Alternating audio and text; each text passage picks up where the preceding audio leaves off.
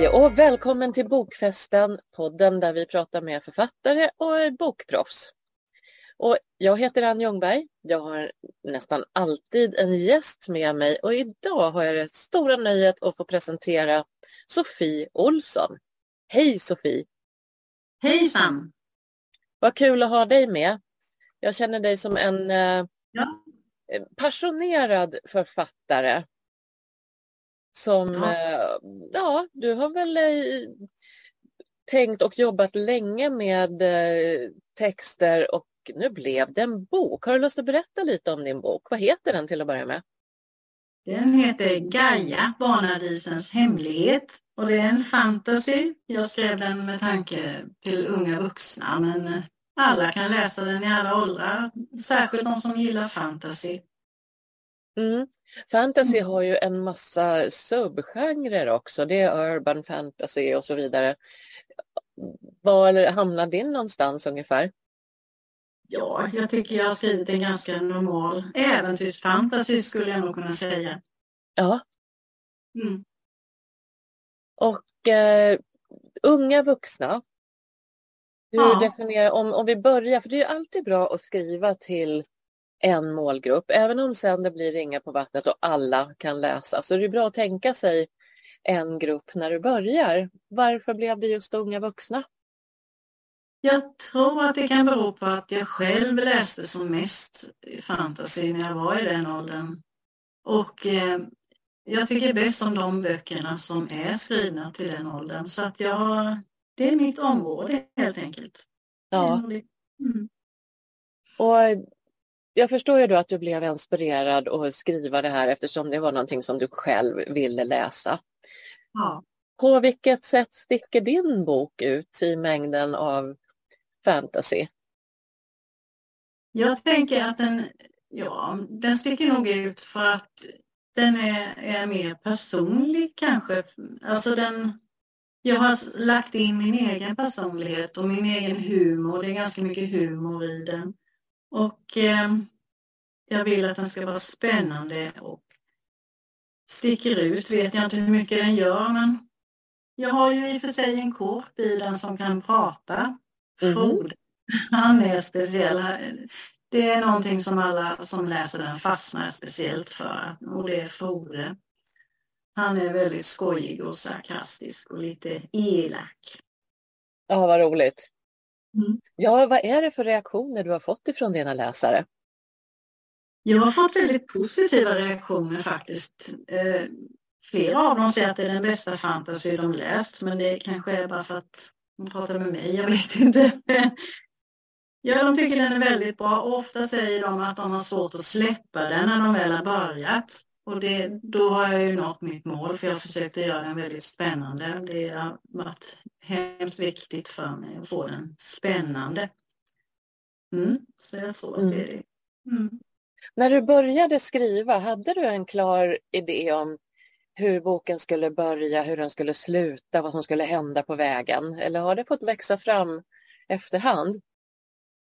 Det har fått växa fram eftersom jag, när jag började skriva för ungefär tio år sedan så jag hade inte lärt mig riktigt hur man ska göra utan jag hade bara begåvningen och förhoppningarna att skriva på. Så jag skrev en liten saga som jag tyckte var spännande. Men sen har det utvecklats efter det för jag har lärt mig under tiden och gått kurser och allting så att nu är det en helt annan historia till slut.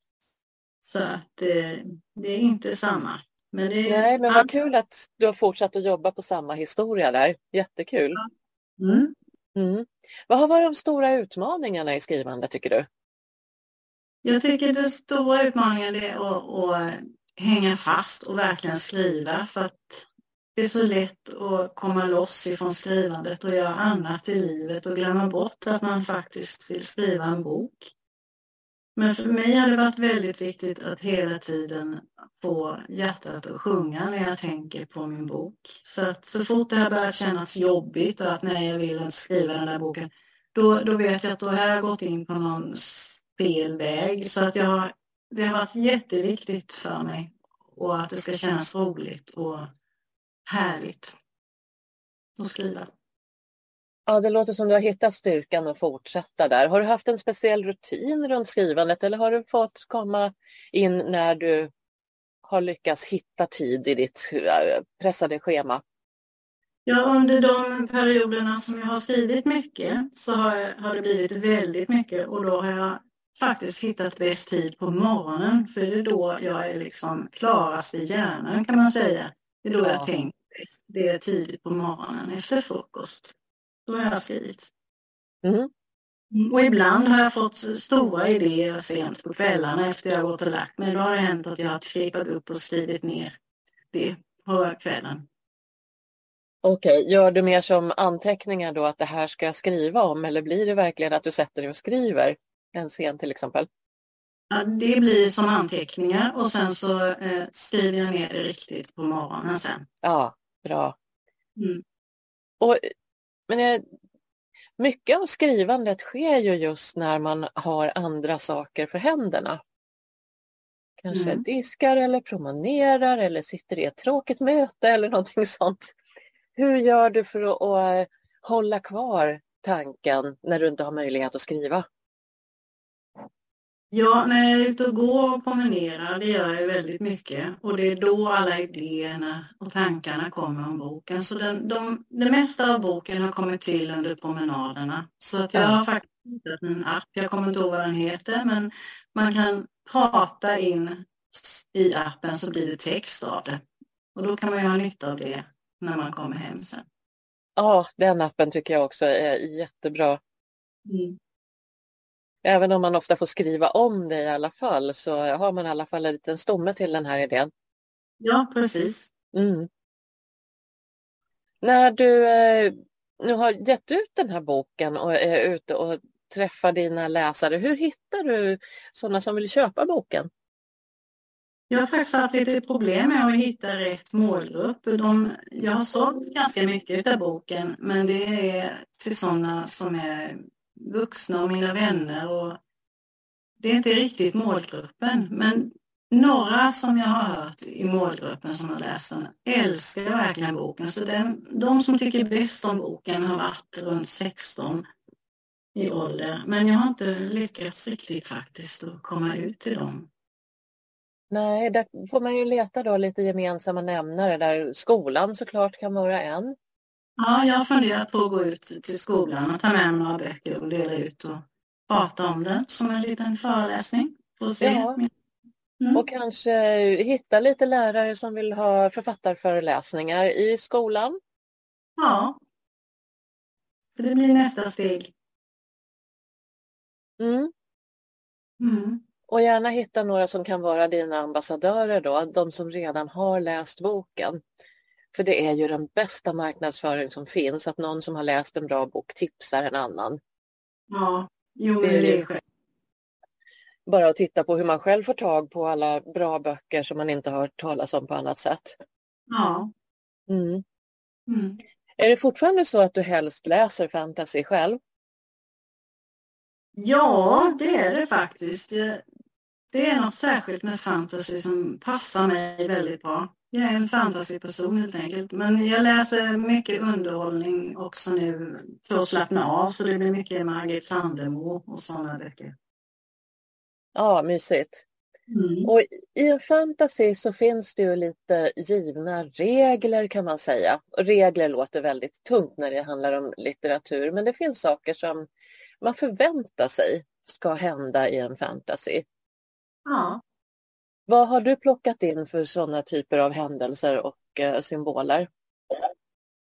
Jag har varit ganska noga med att allting ska gå på känsla, att det ska bli min bok med min personlighet. Så att jag har faktiskt inte tänkt jättemycket just på reglerna utan det har känts att det har varit viktigt att det ska bli trovärdigt så det inte blir några sådana konstiga trollgrejer. Men i och för sig är det väl konstigt ändå till de som inte är vana med fantasy. Men de här reglerna brukar väl handla mest om att man inte bara kan sålla sådär utan vidare utan man måste ha en källa och sådana där saker. Och att man ska bygga världar och som ska kännas trovärdiga och så. Ja, men i en fantasy, allt skulle ju kunna hända men det måste vara trovärdigt ändå inom de ramar man bygger upp för sin värld.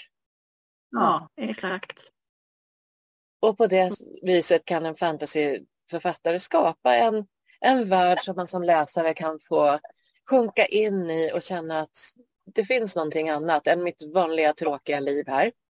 Ja, precis. Det har varit lite av meningen också med den här boken. Jag har försökt att göra en värld som är härlig och surfa runt i liksom och komma lite som en verklighetsflykt faktiskt. Det, jag tycker det är lite meningen så. Toppen. Har du lust att berätta lite om din huvudperson utan att ge för mycket spoilers? Jo, det handlar om Gaia som tappar minnet och hon har då också glömt en väldigt, väldigt viktig sak som hon har gömt och sen glömt bort. Och det handlar mycket om det i boken. Gaia är egentligen ingen människa. Hon tror ju det i början men sen upptäcker hon vem hon egentligen är. Och det, sen hittar hon sig själv på ett nytt sätt. Det handlar lite om identitet i den här boken också. Och mycket om gömda och glömda världar och saker. Mm. Det här tycker jag är kul med fantasy, att du kan bygga på ett tema som mycket väl skulle kunna vara någonting som en, en läsare sitter och funderar på runt sitt eget liv. Fast i en, ska vi säga, en parallell värld där helt andra saker kan hjälpa till och till exempel att hitta sig själv. Ja, man klär in en annan i andra kläder. Ja. Så eh, att även läsarna kan få en chans att hitta sig själva och hitta verktyg att göra det utan att det ser exakt ut som i, i din fantasyvärld. Ja, precis. Mm. Har du några bra tips till någon som själv skulle vilja skriva en, en bok, kanske en fantasy eller vilken bok som helst? Vad är det man behöver tänka på allra först från början? Ja, för mig har det varit drivkraften det här att man ska, man, det måste kännas roligt hela tiden. Att, man inte, att det inte ska kännas jobbigt för då är det så lätt att man ger upp. Ja, utan att man, om man känner att det är jobbigt så letar man efter det som var roligt från början. Så går man tillbaka lite. Det ska alltid få hjärtat att sjunga. Det är mitt tips. Ja, och det är ett sånt fint uttryck. Mm. Jag tycker det stämmer. Mm. Det är jättefint. Eh, och efter själva skrivandet så kom då processen att ge ut din bok. Ja. Har du lust att berätta lite om det? Ja. Eh, jag skickade ju, jag letade ju noga efter förlag som som gav ut fantasy. Det var inte många och jag hade inte så jättestort hopp eftersom jag har hört hur svårt det är att få ut fantasy i det här landet. Så att, ja. Eh, men till slut när jag hade letat färdigt så gav jag ut den själv, det vill säga genom Publit. Det finns ju andra ställen med men jag valde Publit. Mm. Och, eh, ja, jag fick ju göra allting själv. Som tur är så har jag ju kunskaper och talanger så att jag behövde inte ta in hjälp utan jag har satt den själv i olika datorprogram. Och så där håller jag på och läser in den så att det ska bli en ljudbok också. E-bok. Åh, oh, vad kul! Mm. Ja, så att jag försöker. Jag kan allting själv och sen omslaget gjorde min son för han är jättebra sån här eh, illustratör konstnär. Så att jag hade ju tur där och han tyckte det var jätteroligt att få göra Gaia på omslaget. Vad roligt. Det låter som det gick ganska lätt för dig ändå med, med egenutgivningen. Ja, det gjorde det faktiskt. Jag behövde som sagt inte ta in någon hjälp utifrån. Det var skönt. Nej. Nej, det som kan vara lite jobbigt med den typen av utgivning är ju sen då att hitta ut till läsarna såklart. Men det är inte allomgivet att det funkar så jättebra när man är på förlag heller. Det är inte alla debutanter som får lika mycket marknadsföringsmuskler hos förlagen.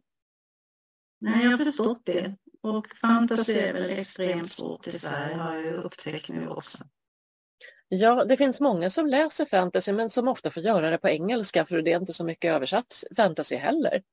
Nej, precis. Mina favoritböcker får jag läsa på engelska till slut. Som Robin Hood till exempel, hennes böcker. De sista tre har jag fått läsa på engelska. Ja. Mm. Vad tror du om, om fantasyns eh, framtid i Sverige? Kommer det att bli mer accepterat? Ja, jag tror det faktiskt. Det, det känns som en liten revolution är på gång faktiskt när det gäller fantasy. Det kan ju vara bara för att jag är involverad men det känns lite så som det är dags nu för att det är så mycket fantasy-serier på tv som blir så populära och det är mycket fantasy på gång och jag tror att de får nog ge sig förlagen faktiskt. Det känns lite så. Ja, jag hoppas lite på att det blir samma uppsving som det blev för romance för sådär en 12-15 eh, år sedan när det var fullkomligt omöjligt att få ut romance i Sverige. Det var liksom bara Harlequin. Ja. Eh, men där det har blivit en jättegenre nu som varenda förlag med anseende har ett imprint runt romance. Jag kan se det framför mig med fantasy också. Ja, jag också. Vi får vara hoppfulla. Ja, och det skrivs mycket fantasy. Det märker jag som tar emot manus från eh, författare som gärna vill bli utgivna framöver. Ja. Så ni som älskar att läsa fantasy, ni ska veta att det finns böcker. Och här har ni ju ett nytt tips då om ni inte redan har upptäckt Sofie Olssons Gaia. Mm. Och det finns mycket svensk fantasy. Upptäckt Ordspira förlag har ju gett ut mycket information om detta. Ja, och det finns några bokhandlare också som specialiserar sig på fantasy och science fiction och såna här lite magiska böcker. Just science fiction-bokhandeln som finns i, i flera städer i Sverige och som även säljer på nätet. Ja. Mm. Men min bok eh, ges ju ut nu också på de flesta vanliga bokhandlar på internet. Ja. Det är skönt i alla Ja, det har verkligen blivit en, en bra möjlighet för författare som väljer att ge ut på egen hand. Ja. Böckerna blir lättillgängliga, man behöver bara veta om att de finns. Ja, precis. Mm. Så det är ett mm. evigt jobb och som egenutgivare har man också möjlighet att hålla liv i sin bok mycket längre än om den har kommit ut på ett förlag där de ofta får en frist på ungefär 90 dagar i en bokhandel innan de skickas tillbaka vilket är jättesorgligt tycker jag. Ja. Men du har ju faktiskt möjlighet att fortsätta att prata om din bok, visa upp din bok och eh, nu är jag nyfiken förstås, blir det en uppföljare? Självklart blir det en uppföljare. Jag har ju redan satt igång. Den har ändrat form ett par gånger faktiskt. Så det, jag har nog egentligen två uppföljare på gång. Ja, vad kul. Blir det en trilogi eller ännu mer? Ja, det blir så många som jag har lust att skriva. Härligt! Ja, fristående. Det är jättebra. Och är det en direkt då fortsättning på den här första boken? Det kan man säga. Det, det handlar om samma person och det följer samma... Så man kan läsa det både som en hel serie och som fristående, tänkte jag. Ja, men mm. smart. Ja, så samma värld, samma personer är med. Mm. Mm. Och det blir ju ofta så om någon får tag på bok nummer två och läser den utan att ha läst den första så kan de ändå bli nyfikna på den. Så får mm. den lite mer nytt liv också. För varje bok som kommer ut. Mm. Mm. Jättekul. Um, gör du någon förändring i din, eh, ditt sätt att skriva, din rutin i bok nummer två? Någonting som du har lärt dig från den första eller fortsätter du med samma princip det här att låta hjärtat få sjunga? Självklart så fortsätter jag med att låta hjärtat sjunga men ändå så är det ju väldigt stor skillnad från när jag skrev första boken. Första boken tog ju nio år att skriva och jag lärde mig allting under tiden. Men nu när jag kan det mesta grundläggande så kan jag lägga upp boken på ett helt nytt sätt. Så jag har två stycken uppföljare som ligger i som ligger redan uppdelade i kapitel och allting och hur det, vad det ska handla om och vad det ska stå. Så att det kommer nog gå rätt snabbt egentligen att skriva de här nya när jag väl sätter igång. Ja, härligt. Den där första blev pluggen ur på något vis. Sen ja. går det lite snabbare. Jättekul. Mm. Och jag skulle tro att du lär dig en hel del på att skriva bok två och bok tre också.